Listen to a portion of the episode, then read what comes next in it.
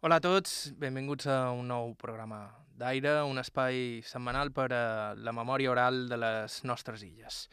En el programa d'avui toca passejar un poc per d'allà.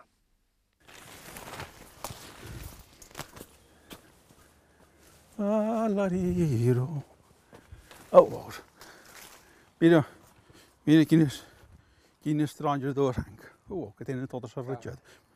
Dues per tu, una grossa i una petita i, un, i dues, dues per, per socio, quan us te menges al vespre, bé, Això. guarda-les tu. Sí, eh? Però quina pinta. Sí.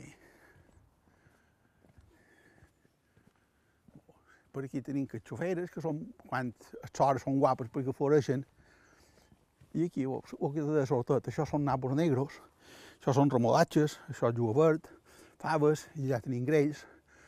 I ara han acabat de llaurar, que per llaurar fins a això vermell, Mm i, i tornaran a començar a sembrar cap a l'altra banda. Aquest que sentiu és Miquel Estades. Uh, Miquel Estades és el jardiner de la casa de Robert Graves, Cana Lluny, situada a la sortida del poble de d'Ea. Però a més de jardiner, és una persona amb una intel·ligència increïble d'aquells en qui dona goig conversar. I aquí hi ha tots els arbres, tots els arbres que, que segons el llibre esquadern que me va donar, la, la pàgina de, me va donar en William Graves, eh, els arbres estan sembrats exactament allà on es va sembrar la Laura Reading, quan va venir el primer pic, que van fer tot aquest jardí, que tot el bon rodet, que no era res Mhm. recte. eh? I els arbres, eh, tots aquests que veu, que són pruneres, cireres, pomeres, pereres, tot eh, es, estan sembrats així. i sabe que ell... Sabeu que n'hi havia un que estava a mi mort perquè el vent del costat havia baldat, ho van enterrar per fer aquella caseta perquè van espanyar les res, en van sembrar un de nou i ara aquest té 10 anys. Ah, Aquest ja ho vaig sembrar jo. Veus? Això, això és el mapa que se me va donar quan jo vaig venir aquí. Aquí me van posar els noms dels arbres que hi havia, veus, tots, eh, un per un, tot està posat aquí.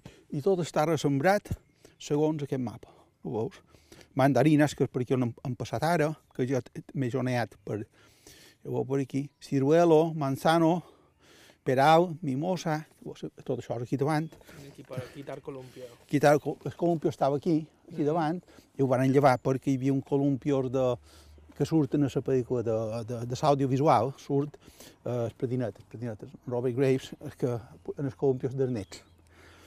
Eh, Però tot això, aquí diu, això ho havien de posar una cadena, tots els, si ho mires per aquí, tot, tot, tot el que veus, empaltar la caseta, això allà baix, en fi, això això és el mapa que, per, per que mos han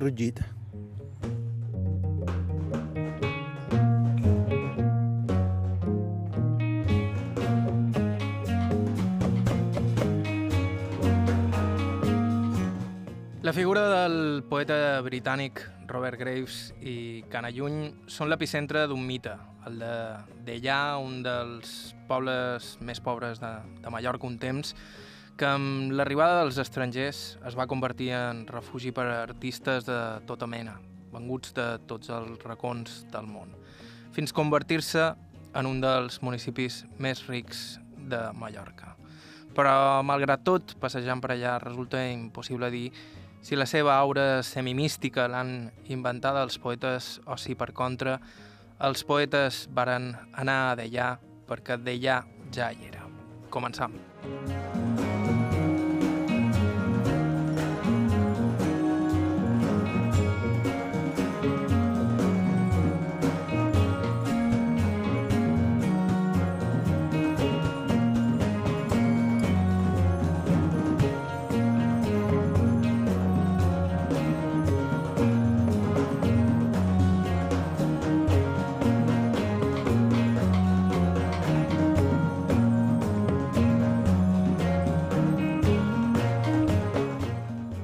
Partim ja, som als jardins de la casa de Robert Graves, que és, com es diu, la casa museu, que ara hi ha la que va ser durant anys la casa del poeta, batiada per ell com Cana Lluny. Vos present de nou a Miquel Estades. Jo, nom Miquel Estades Balcaneres, vaig néixer dia 12 de juny de l'any 1953 a Solla. Vàrem venir a viure d'allà quan tenia 11 anys, o sigui que fa molts ja que som aquí, ja deu fer com a 53, que som, que visc allà. Mon pare i mon mare duen, o darrere de tot, la finca que ara és la residència, que és que entre són canals i són moragues. Ara aquesta tota barra enorme, que van juntar les dues finques, i aquesta finca pertanyia a una senyora que no mia doña Margarida i el papà era l'amo, ara ja no n'hi ha d'amos, però era, el papà era l'amo i la meva mare era la madona de, sa, de son canal. Vam venir a viure d'allà per mort de l'esquena de ma mare, que Solla era un, era un lloc massa humit i els metges li van recomanar que vengués un lloc un poc més alt, que no estigués tan encotat com a Solla, perquè ella tenia bastant de problemes amb la columna vertebral, menjava bastantes de pastilles, i un metge que després el varen trobar aquí d'allà, que era don Bartomeu Sancho Ripoll, que encara és viu, és veiet, però és viu i, espero que sigui viu molt any més. Uh, li va fer un tractament i ho va curar bastant, a mama. Va, va morir 84 anys amb bastanta salut. Fill de pagesos, en Miquel es va criar donant una mà als seus pares sempre que era necessari. Així mateix va anar uns quants anys a l'escola. Va, vaig anar primer a Solla, Uh, primer vaig anar amb Don Eduardo Bezurnatea, amb Don Vicent Moratà, i llavors vaig passar al Sagrat Cos per fer batxiller amb un professor d'economia, Don Gaspar Droguer. I llavors ja van venir cap, a, cap aquí i vaig passar a Escola Vall de Mossa, perquè en Don Pep, Don Pep Estrada és Mateu. I llavors d'allà vaig passar a fer batxiller a Palma amb un professor d'economia, Don Agustín Guijarro Bravo. I vas anar a la universitat? No, no, no, no. També, també vaig fer batxiller. Sí. Eh, també que tant d'any no hi anava tothom a la universitat, això seran de fa molt d'anys. Segurament que he sigut de partir a Madrid o a Barcelona, no, aquí no n'hi havia. O sigui, no, no era tan, tan fàcil ni tan color de rosa. Uh, ara en tenim un aquí i qui més qui menys. Uh, hi pot anar, però va de partir a viure a Barcelona. Això era un gasto en aquell temps a Madrid que era bastant, per la família, bastant dur perquè si tu només entres i no n'hi posaves cap, ho veig així jo. A part de la, fe de la feina que fet jo sempre, que el papà t'havia de menester. Eh, hombre, ell tornava bé i tu hi ajudaves, m'entens? A part que tenia aquesta tropa de, de gent que també si us havia de menester, sempre us tenia, sobretot aquest home ja va morir, o sigui, en Roberto, en Roberto Garsta Lozano, aquest home era el seu, la seva mà dreta, saps? Que, que moltes de matins si no tenia molta de marge, pues, com per així a nostra, i prenia cafè amb llet, i per anava, i dinava amb nosaltres, i matinat acabava i se n'anava. Era una relació d'aquestes un poc més, no, no, no, no d'amo i criat, sinó que era una relació bastant d'amics, era bastant amics, una relació bastant amigable. Estaven junts i menjaven junts i berenàvem i, m'entens? Si ells venien a feina casa nostra, sabien que ja no havien de passar pena d'anar a menjar, perquè ja la mamà em feia dinar, ja en feia per tots i em va dir, pues cadascú que fer saber que de tot un cervesia o que fessin cada un d'ells quan acabaven. La vida i el d'allà que descriu Miquel Estades és el comú de la pagesia a Mallorca, en la peculiaritat de la presència del producte estrella a les faldes de la tramuntana, l'oli. Fins que va morir el papà van fer matances cada any i teníem de vestre en ovelles, teníem una ego guapa que no m'hi cali i, unes, i una mula que no m'hi pastora i després el papà va trobar que era millor comprar un, un tractor d'aquest de quatre rodes ja, perquè el tractor si estava aparcat dins el garatge no menjava. I l'ego i la, i la mula, totes dues, cada dia menjaven el matí, i migdia i vespre.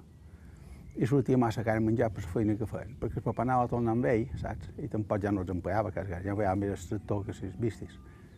Bueno, pues, i se van vendre i, i va quedar el tractor.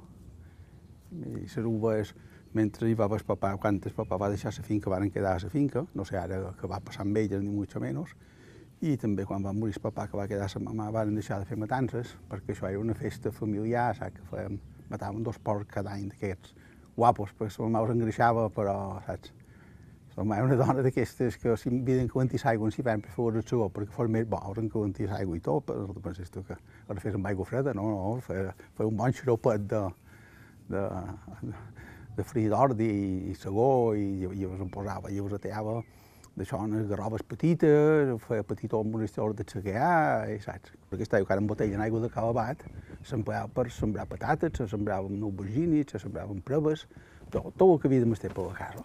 I si les patates anaven bé, feien un bon munt, i n'hi havia per tot l'any. I, si hi havia bones tomàtiques feien, feien com d'això, no? empotaven, i tomàtiques de remellet per enfilar, o sigui, sí, sí, se, se, se defensava tot el que se podia, i les llimones se venien, i uh, qualque pic anaven bé de preu, qualque pic malament, però se venien i havies de treure per gastos de la possessió.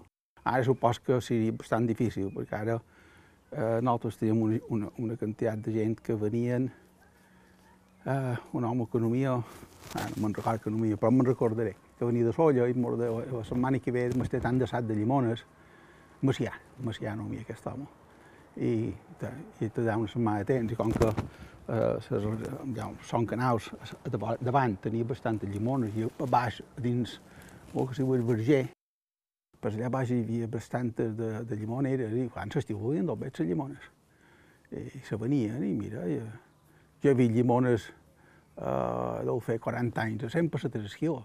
Era una fortuna, 100 pessetes el quilo. Ara diu que són 80 cèntims d'euro una cosa així però quan anàvem en pessetes eren dos pesos, si s'enduen si s'enduen 1.500 quilos de llimones, eren molt de dos pesos. Les finques de per aquí tenen quatre garroves i quatre olives, no hi ha res més, m'entens? Les cuites són petites, un parell de mens, si tens, tens un parell de mens, que si tens un pot de sort i van cas també guanyes quatre dos pesos, però ara va molt barat, ara ja no en tenim nosaltres, però per qui us tenen, ara va molt barat, i, si, i si us han d'engreixar en pienso i coses d'aquestes s'hauria de, de tornar a plantejar tot això de la pagesia, perquè si no arribarà que no en quedarà cap. Tot aquest cementers que veu per aquí dalt, tot això, tot se cuia i se, se duen a solla, se, perquè quan jo aquí a DEA ja, ja, no, ja, no, ja no teníem una, teníem una tafona a la possessió, però ja no, ja no varen fer mai oli, perquè si ho dues a solla te sortia més bo, perquè quan el, el que acabaven de fer ho passaven per la centrífuga, saps? Ja sortia més, un poc més refinat. Si sol per aquí darrere feia 6, 7, 8, 9 graus de, de, de acidesa, quan els havia passat per la, per la centrífuga amb aigua calenta, després sortia de 4. Entens? Així mateix hi havia bastanta diferència. I a la banda de DA, a la banda d'ara on hi ha l'escola i tot allò, el vinyet i tot allò, per allà sol hi fa 16 i 17 graus perquè no hi pega el sol. Hi ha unes olives grosses així, o hi havia unes olives grosses així, però només per guapo, però per fer oli no servien perquè estan molt humit amb molta d'argila aquest d'aquí estan d'impreda. I tot una suïda fumadura, tot un tona pensida i treu un oli bastant més bo. I va arribar un moment que ja ens costava més, era més car comprar dur sol i fer solla, pagar les, les gallufes o les que els acuïen, llavors havies d'anar al tractor solla en el remolc, dur la tafona, havies de pagar la tafona, i després havies d'anar a cercar i havies de pujar. I el papà va decidir que això era massa car, anar, podia més anar a comprar sol i fet. Literalment, era més barat i era més fi, ho de per Andalusia, i aquí si mos costava un litre d'oli 70 pessetes, a pricar, no que no hi havia priques encara, però a la botiga potser comprar per 50, per exemple. No vol dir que fos realment aquests 20 pessetes de diferència, però eh, hi havia diferència, sortia car. L'oli havia estat durant dècades el producte més important de la contrada, tant que les recollidores cobraven en garrafes, és a dir, que l'oli valia gairebé com, a, com la moneda. En Miquel em parla també de la postguerra i com l'oli s'emprava per fer intercanvis i aconseguir productes que no es conraven a la zona. Si tu feies oli i eres un poc intel·ligent, és de venir aquesta gent que se duen la part proporcional d'oli que havies de donar, diguéssim, més impost que pagaves. I quan anaves a solla, si dues oli, hi havia l'entrada de solla, hi havia eh, són gelats, hi havia la caseta de somatenes, saps? Els somatenes eren una espècie de policia que miraven que dues. I si dues, què sé jo, havia un litre d'oli, doncs te'n tocaven cinc els altres quinze se quedaven ells, m'entens? Perquè, I tu, si anaves un poc viu, podies fer un dia per per Sant Joan, i si coneixies qualcú per allà, t'endues un litre d'oli i tornaves amb 10 quilos de ferrals o, o ciurons, m'entens? Hi havia l'intercanvi aquest bajo mano i escondides, que anava molt bé perquè la gent d'Espà tenia, tenia gra, però no tenia oli, i nosaltres teníem molt d'oli, però no teníem molt poc gra, perquè aquestes margidetes de per aquí, tot això se sembrava, sembrava de faves, i se sembrava un pot d'ordi, se sembrava els horts, però per fer farina i tot això, aquí no hi havia quantitats, faves encara sí, però el que fes era aquella gent també, igual que nosaltres aquí, quan, quan decoraven les corteres de blat que havien fetes, ells eh, n'amagaven la meitat dins una paret buida, tenien una paret ampla buida i un puien de blat, i després ho anaven on anàvem venent d'amagat, o canviant més bé, canviant, per exemple, la gent de per aquí que tenien sol. Papa m'ho va contar bastantes de vegades, que la gent, quan les finques de per encara hi havia les gallufes i tot això, que era, era persones joves, de, sobretot lotes de Pasquà, que Pasquà en l'hivern no tenen res que fer. En l'estiu sí que tenien el cementeri i tot això. I venia a cuir olives, i cobraven una petita quantitat, els mantenien i els daven, quan acabava la temporada, els daven eh, mesures d'oli, no sé quantes ni quantes no, això ja no ho sé. Però era una cosa, era un intercanvi, la gent després tenia blat i civada i blat de indris i coses d'aquestes, i moltes figues.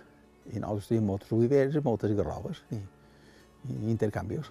Aquestes nines que venien a collir, per allà sempre us havien dit gallufes. D'allà també tenia un altre recurs natural, la mà. A Cala d'allà hi vivien unes quantes famílies de pescadors ja desapareguts que durant anys varen ser els amos i senyors d'una cala avui capitalitzada pels turistes. Conegut en Andreu i en Salvador i el patró Marc, en Joan Cani ha conegut tres, i un que ja no pescava, que era en Joan Rasca, que, que també havia estat pescador, però després se va fer electricista i ja se va retirar d'això. Però jo encara he conegut dos germans, que els deien demà el nom de Can Burot, que eren Andreu i en Salvador, ja, ja se van morir tots dos de veiets, com se suposa, però tenien una barqueta molt guapa, d'aquestes ja tenien un motor, i sobretot tenien una cosa molt bona, que quan hi havia els primers motors, aquests, un pistonet, saps, xup, xup, xup, xup, xup, ells dos agafaven, agafaven la seva barca i agafaven dos ramperam, i d'aquí d'aquí a Solla, crec que s'enduen qualsevol motor. Eren dos, dos, dos germans fredins, però una barca d'aquestes de, de fusta, un lliutet d'aquests, un pic que vas embalat, si, si saps remar, saps com fan de dia. El que costa és uh, feu-los arrencar. Però un pic, si, si els dos que remen se venen i els rems són bastant llargs, cada, cada, hombre, uh, uh, si te recordes quan estudiaves, uh, és, és un sistema de palanques. Uh, jo, ja no me'n recordo, ja no me'n recordo les fórmules, però era, això era uh, el braç de la potència per de la resistència, ja no me'n recordo, no me'n recordo com era això, però hi havia, hi havia una fórmula que deia que si uh, tu fes força d'aquí fins aquí, que aquí hi havia, hi havia la xumacera, que es diu en castellà, aquell ferro, i el tros de, de rem ja tenia dos metres més, com quan tu fes l'estira d'aquí, allà, el tros que t'agafava rem, saps? És, és un, car, un sistema d'en és un, és un hipotenusa, fas el desplaçament, claro, i pensa dos homes joves, forts, amb una barca d'aquestes que els repintaven cada any i, ho, tenien ben cuidat, que era el seu sistema de fer feina i de guanyar dos bes pescant, quan se posàvem a remar. Eh? Jo m'ha agradat veure ja no els vaig veure, jo els vaig conèixer bé, però conyo, això devia ser una cosa guapa, dos homes així que s'entenguessin bé, uh, remant com a negres, així jo, sense que us pegassin. Només. Robert Graves el va respectar? Sí, sí, sí, sí, sí, però el vaig tractar, però no, en confiança no, el vaig tractar. Jo dic, quan vivíem aquí damunt, teníem el tros aquest aquí damunt, i això hi havia una barrera, aquí hi havia una requilla, però de pau de fusta, una requilla de huelles, i quan passàvem, ell sempre me sortia, que té el despatx allà darrere, darrere aquella escaleta, i quan sentia passar el tractor sortia amb aquell capell negre, tots aquells reguinyals blancs per aquí, i, i me feia. Així.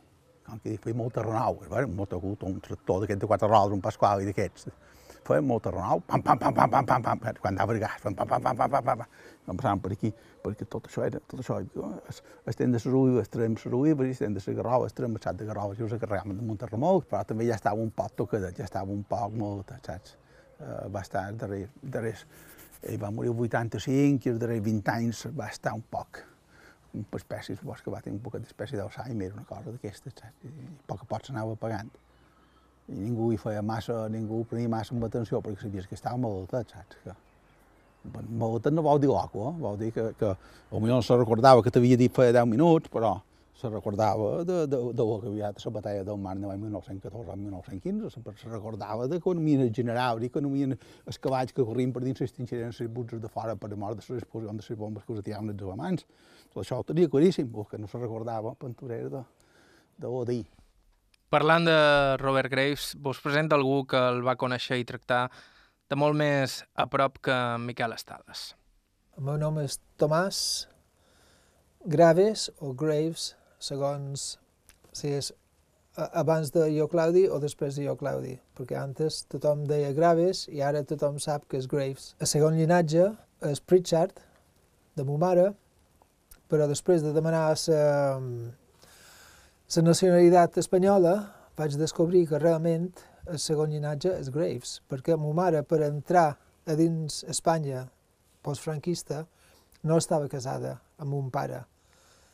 I per entrar amb tres fills va canviar el seu nom a Graves, per no, perquè no, no sospitassin de que, que no estaven casats. Imagina't l'any 46 arribar a Espanya amb tres fills i no estaven casats. O sigui, van entrar el senyor Graves i la senyora Graves. Ah, en Tomàs Graves ens quedam. En uns segons ens acostarem un poquet més a la intimitat del poeta. Fem una petita pausa i continuem.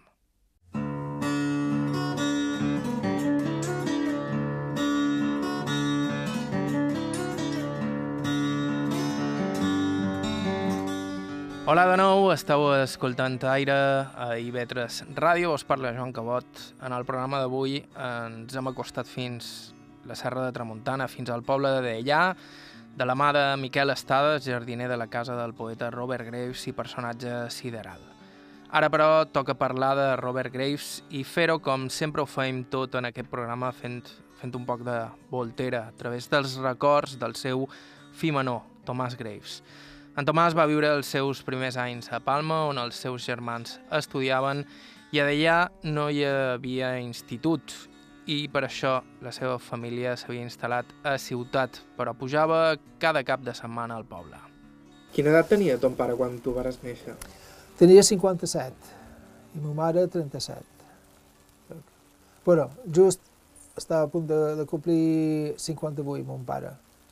O sigui que per jo era quasi com un padrí. Bueno, tenim una relació més de, com de padrí que no de, de pare. No?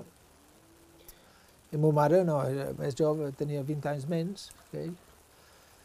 I, i amb ell sí tenia una, una relació més de mare i tal, però amb ell, a més que, que feia molt de feina, estava molt tancat dins el seu estudi.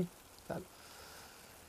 No vaig viu, viure la mateixa relació que els, els meus germans, que tenien 10, 9, 10, 12 anys més que jo, que ho varen viure més una vida més familiar. Jo era quasi un, un fill únic, no? perquè ja s'havien, quan jo tenia consciència, ja s'havien anat a estudiar fora.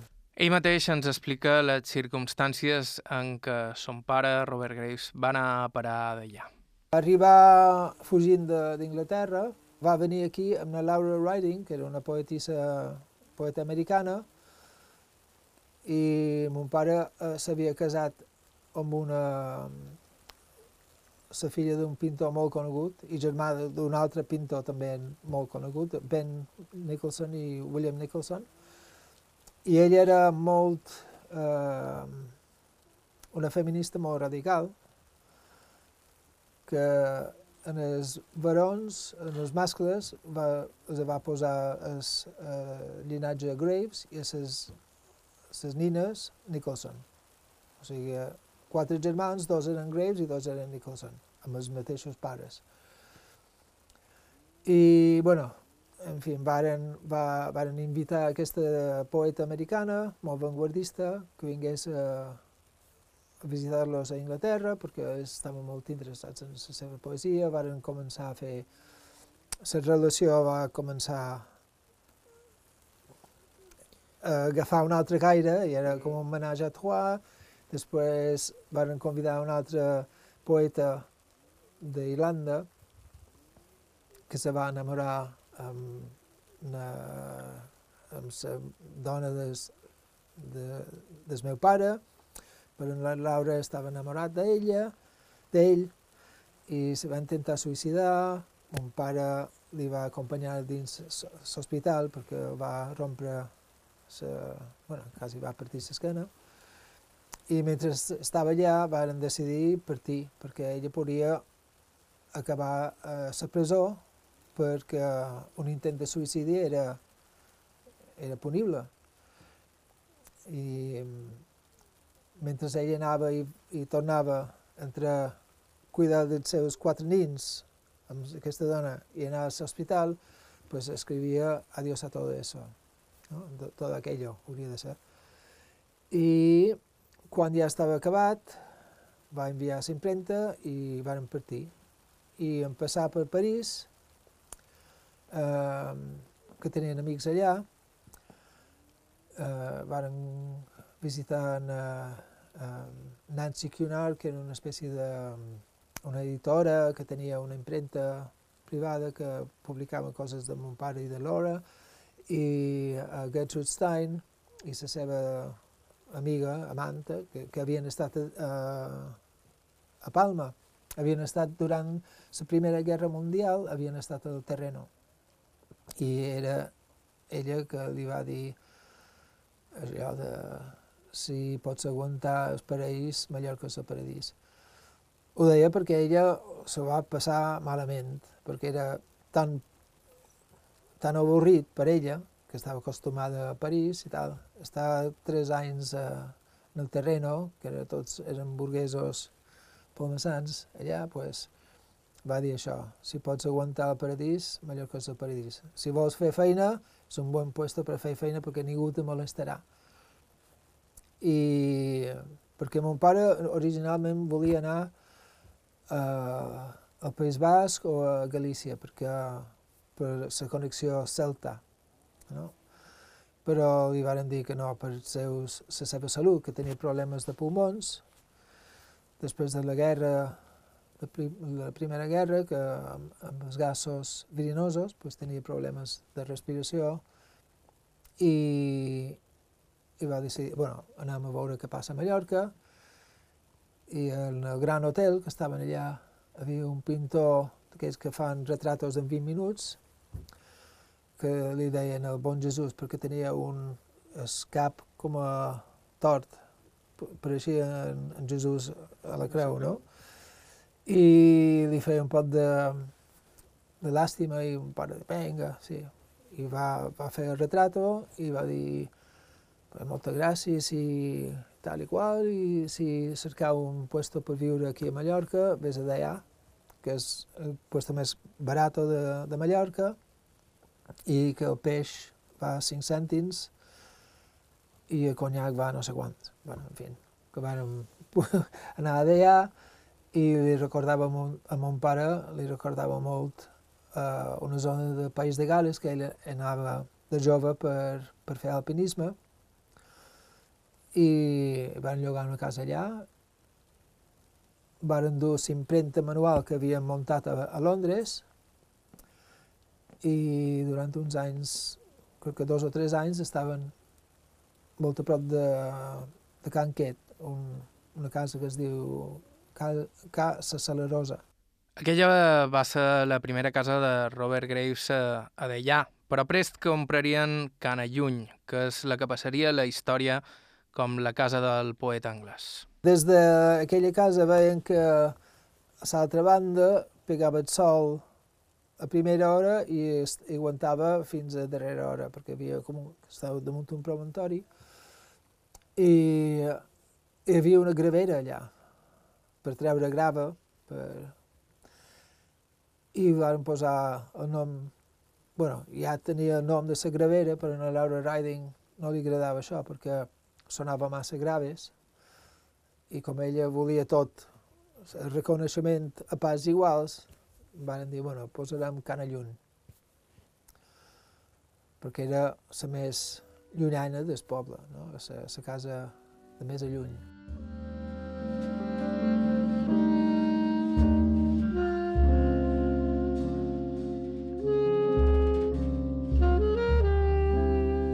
I al jardí de Canalluny tornem.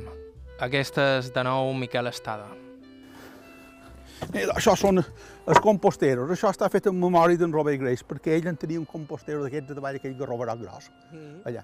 I un pic, una anècdota. Va venir don Manuel Fraga Iribarne, ministre de Asuntos Exteriores i ministre de la Governació i tot això. I ell tenia bona relació amb don Manuel Fraga Iribarne. I va venir i en, en Robert estava uh, en les sabates plenes de, de, de, de, de llerot d'aquests que girava el compost. I el, i el ministre de fora amb dos, dues motos i un 1.500 d'aquell temps. I diu, venim a veure en Robert. I en Robert diu que esperi un poc perquè no té audiència, no sé què saps, una cosa de què, perquè ell estava girant el compost. I per en Robert també era important el compost que el, el ministre, ministre, que el ministre Fraga Ivan. I gràcies a ell van, van posar electricitat a DEA, perquè era l'any 60 i pico i no teníem electricitat. Fraga era que que li va demanar a veure si podia donar una, una conferència en el Club Siglo XXI a Madrid i li va dir, ho sent molt, però tem molta feina i aquí la llum s'acaba a a les, crec que a les 8 de cap vespre, quan s'acaba la radionovela, mm, eh, apagaven el generador. Eh, si tinguéssim llum o sigui, la xarxa, aquí pues, ja podria, tindria temps per fer-ho i tal. I dues setmanes ja estaven els pilons arribant d'allà. Quan hi havia un, un projecte de fer qualsevol atemptat eh, paisatgístic, pues, cridava a Madrid Oye, que, que aquí volen fer un hotel a la punta de la cala. Ah, sí, senyor Graves. Bueno, ara mirarem, tal i sempre estava en contacte amb el Cercle de Belles Arts a, a, a Palma. Si hi havia qualque cosa, qualque atemptat, o sigui, qualque casa que se feia amb mal gust o el que sigui, o si volien fer apartaments, cridava a Belles Arts, venien ja, no, això no se pot fer aquí, perquè tal i. I de fet ara eh, el fet de que allà es tancar a fer una casa és perquè les normes subsidiàries, gràcies a tota la pressió de mon pare i d'altres, en, en Fred Grunfeld i altres, de respectar la topologia local, eh, hi havia un moment que se podia cobrir una casa amb, eh, com es diu així, co cobertura de pedra, o sigui, d'això, l'ossàs de pedra, no? I, i van dir que no, que havia de ser pedra viva i encaixada i tot així. En la qual una casa pot costar entre un 15 o 20% més que un altre poble, perquè hi havia unes, unes certes normes que s'havien de, de protegir i en un principi la gent havia, estaven un poc en contra perquè això ja no se pot fer qualsevol cosa, jo no puc fer, el meu cosí el port de Solla pot fer una casa de qualsevol manera i jo no, tal qual. però ara va, van descobrir que, que per la gent que fa feina a la pedra, que és molta per a la zona, pues tot això ha estat un, un boom de laboral, ha donat moltíssima feina a molta gent. Conservar el paradís també té el seu preu. Tomàs Graves ens transporta la seva infantesa en el poble, on va rebre una educació dual, la del franquisme per un costat i la de casa seva per l'altre, una bíblica i gris i l'altra bohèmia i anglosaxona. A partir dels, dels set anys anava a l'escola de Deià, a cap vespre, amb, els de matins amb mon mare estudiàvem en, en anglès i després a cap vespre feia dues hores de, de, bueno, de, de educació franquista amb, amb Franco, José Antonio i en Bon Jesús enmig allà i, i si no sabia la lecció pues, te ficaven allà en el, en el racó amb una bíblia a cada mà, con brazos en forma de cruz. Mon pare sempre mantenia una... Bueno, era molt correcte amb les autoritats i tal, o sigui, no estava... Era pintura mm, poc més conservador que, que mon mare. Mon mare era més, bueno, llibertària, era, tenia idees més d'esquerres i fins i tot més, se definia un poc més com a anarquista de les seves idees i molt social, bueno, una responsabilitat social i tot això. Però qualsevol cosa te podien fotre de fora. I, però mon pare no era molt conegut, fins i tot quan va firmar, vàrem trobar el contracte ori original dels drets de, de cine de Jo Claudi i una, un dels eh, de les clàusules era eh, per projecció de tot el territori mundial menys l'illa de Mallorca. O sigui que ell no volia que si se fes una pel·lícula que, que la gent de Mallorca ho, ho vegi, perquè supos que per ell era més important la seva intimitat que no... O sigui, no volia tenir mal nom a Mallorca per xerrar de coses. Per pintura també perquè, eh, o sigui, a part de l'escàndol de, de lo que era l'antiga Roma, també molts dels personatges eh, els havia passades en, en veïnats de d'allà. O sigui que un poc eh, les relacions familiars i... Clar, mon pare tenia una educació clàssica, com tots, tota la seva generació, el grec, antic, el llatí, tot això, però el que era la dinàmica, diguem, social mediterrània, clar, no, això no ho coneixia, i, i visquent a, a Mallorca, pues, ja se feia una idea de com funcionaven les famílies i les tensions i tal, i com se, se va basar bastant en aquestes observacions per construir els personatges de, de la novel·la.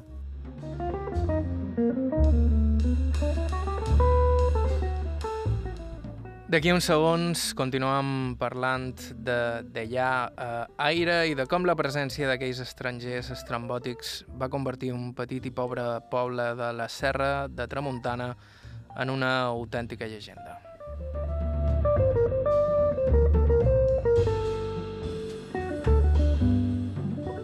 A IB3 Ràdio, Aire.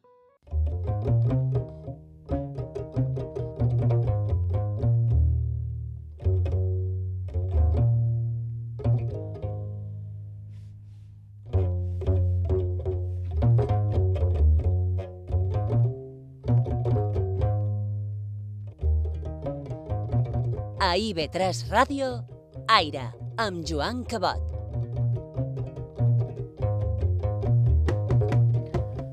Hola de nou. En el programa d'avui ens hem transportat fins al DEA dels anys 60 i 70 a través dels records de dues persones increïbles.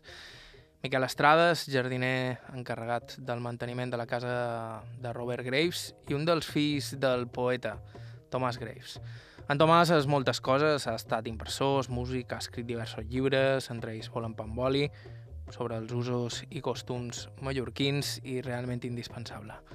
Si heu enganxat el programa tard i voleu recuperar el principi, ho teniu bastant fàcil, o bé a través del servei de ràdio La Carta a ib3tv.com barra ràdio o a través del nostre podcast que trobareu a tots els serveis habituals. Nosaltres continuem amb el programa d'avui ho feim escoltant els records dels nostres dos protagonistes entorn a la presència estrangera al poble. Teà ha estat des dels temps de l'arxiduc que va fer famosa aquella zona, refugi per a pintors, poetes, músics i tota mena de personatges fora de lloc comú. En parla en Tomàs. La Laura Riding tenia molt de, de discos d'aquests de, de Bakelite, d'aquest de, de 78, d'en Louis Armstrong, i els dissabtes en el bar de d'allà, en el cafè, feien una, un ball i ella tenia un, un gramòfono d'aquest de, de donar-li corda i ballaven. I venia la gent de Solla perquè d'allà se podia ballar tocant-se i a Solla no els deixaven ni Valdemossa tampoc. O sigui, d'allà ja era, uf, anava d'allà a ballar agarrados, no? I hi havia bastant de... de, de com, sí. Hi havia una, una colònia d'alemans quan va arribar mon pare. Ja estaven Lehmann i aquest, el Bon Jesús, eh, i tres o quatre altres, i una, una americana que també llogava cases, o sigui, hi havia, o sigui, la gent diu, ah, ton pare va dur la gent de fora, no, ja hi havia una, una colònia.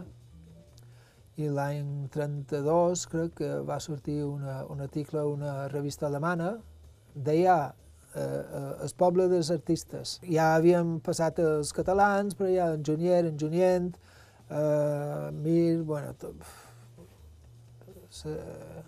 l'escola catalana, bueno, dels quatre gats, no sé quin dels quatre gats també venia molt per allà, per Llucalcari, sí, un junyent que havia anat en Picasso la primera, el primer viatge a París i tal.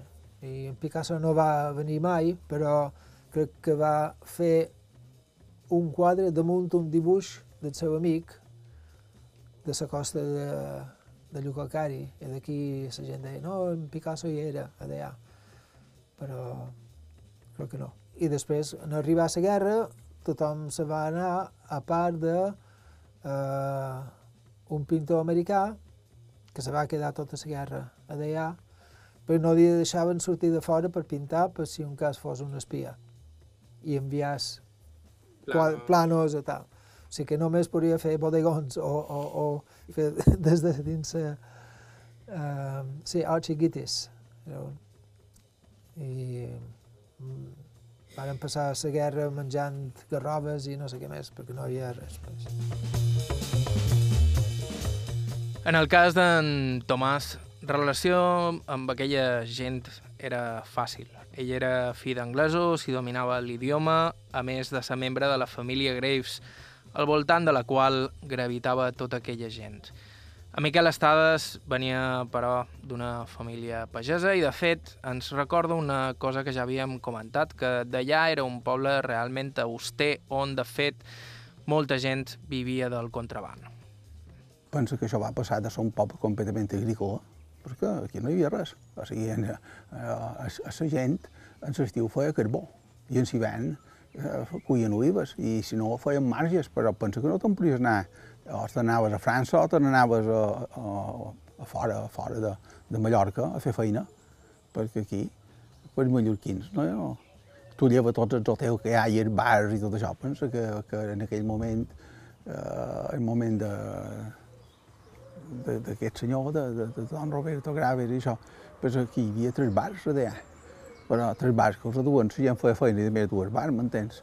Uh, el que te vull dir que uh, el nivell econòmic era pobre, pobre, però pobre, perquè la posta la gent després eh, va haver temporades que se'ns va dedicar molt a traginar contrabando. Tota la vorera aquesta se descarregava, perquè si tu anaves a llaurar tota la setmana o saquear, te daven 25 pessetes cada setmana, i, si, i un vespre de carregar do, dos fardos de, de la vorera de la mà i dues a Bunyola, te daven 100 pessetes. A Bunyola ens duen. A Bunyola, sí, els descarregaven, els amagaven aquí, el primer dia els duen una possessió, una cova, ja no ho tenien previst, i llavors pujaven els tellos, s'enduen cap a Bunyola, per anar per les carreteres, perquè hi havia els carabineros que ho controlaven, tabac, so, sobretot coses, coses de menjar, llavors ja van començar a dur eh, calces de seda, de, de seda no, de nilon, això de nilon, que va ser una nova més per les senyores, est- van començar aquestes radiades petites, els transistors, i, en fi, eh, duem el que, no havien, el que aquí no hi havia. La gent més major que jo sí, però jo ja vaig venir un temps que quan jo vaig tenir edat d'anar a casa d'escórrer, ja, ja, això ja havia passat, m'entens? Però sempre has sentit contar les aventures aquestes de... Hi havia un, un home major que ho dit mestre Sales, mestre Sales, que suposo que havia estat mestre d'obres i tot això, i me contava que allà hi havia moltes dones viudes.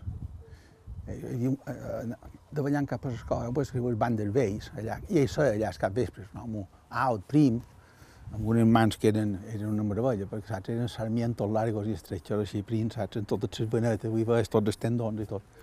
I, clar, ell era, era beat i jo de vegades m'aturava a xerrar un poc amb ell i me contava, diu, i per què te penses que hi ha tantes viudes allà? I jo, i, i jo què sé. I me deia, perquè els homes anaven a fer feina tota la nit de contrabando.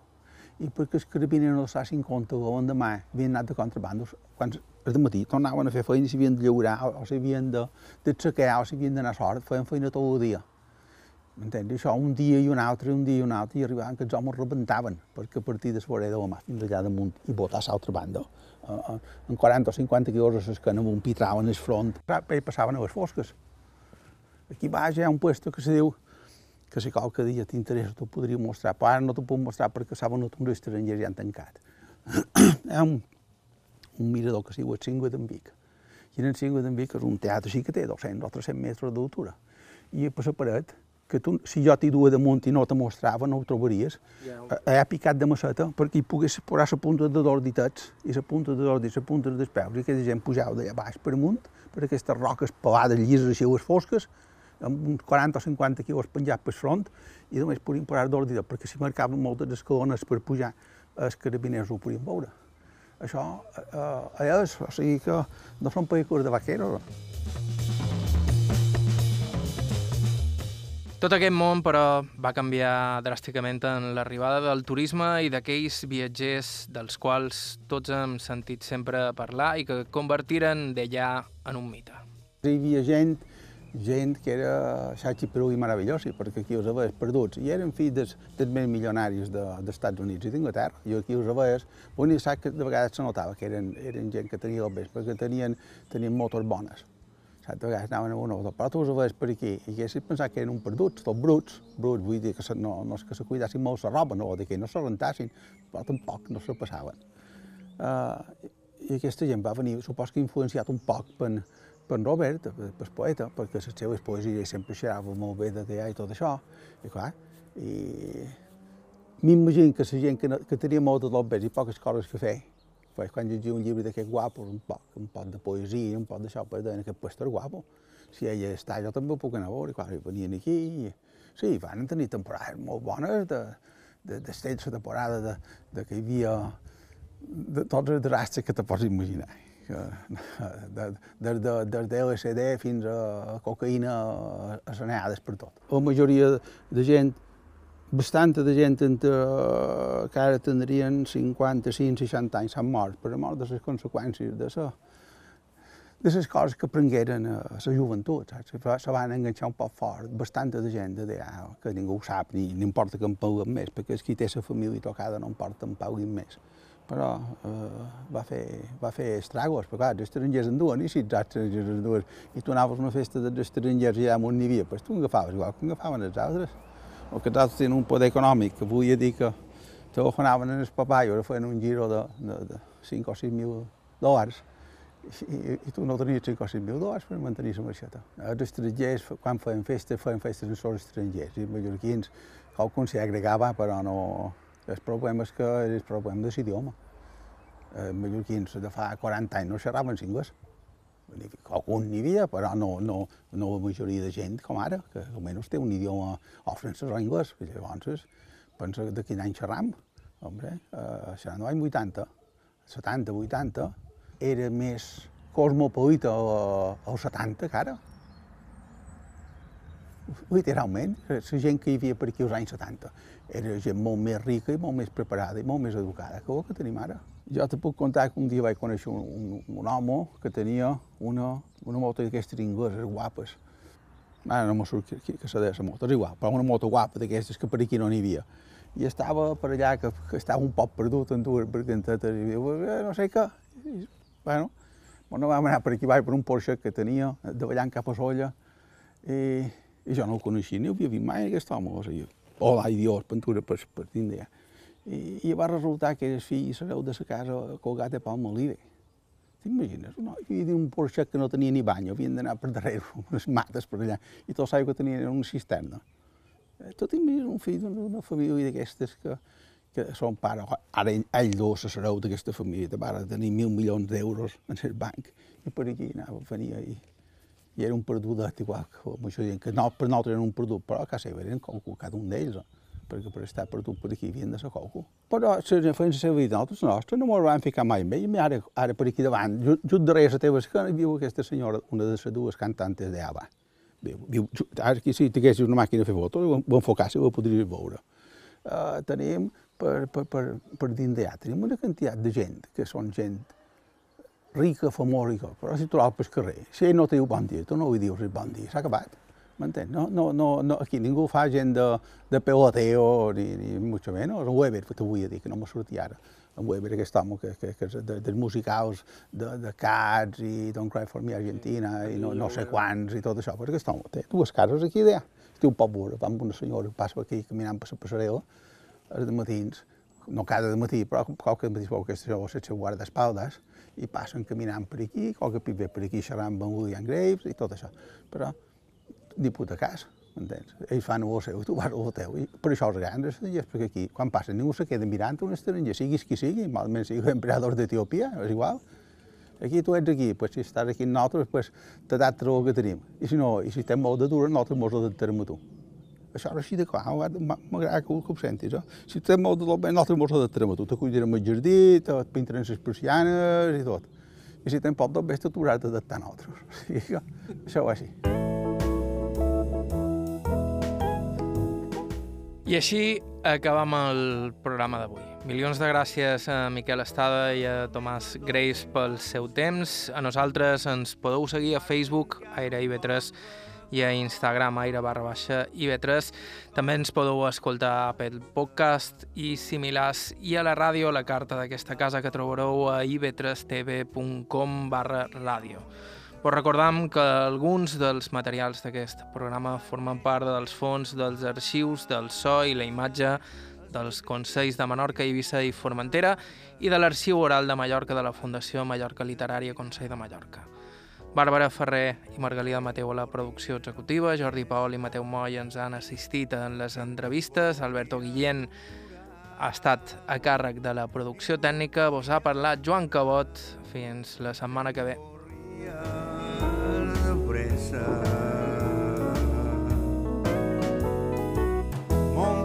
prenia la fresca, assegut en es portal, els grins cantaven al vespre, l'estiu molt duia la pau. Es d'un batisses que es pan bal i es trempó, velles que volíem bevem vi amb esporró el temps corria de pressa. Era l'enemic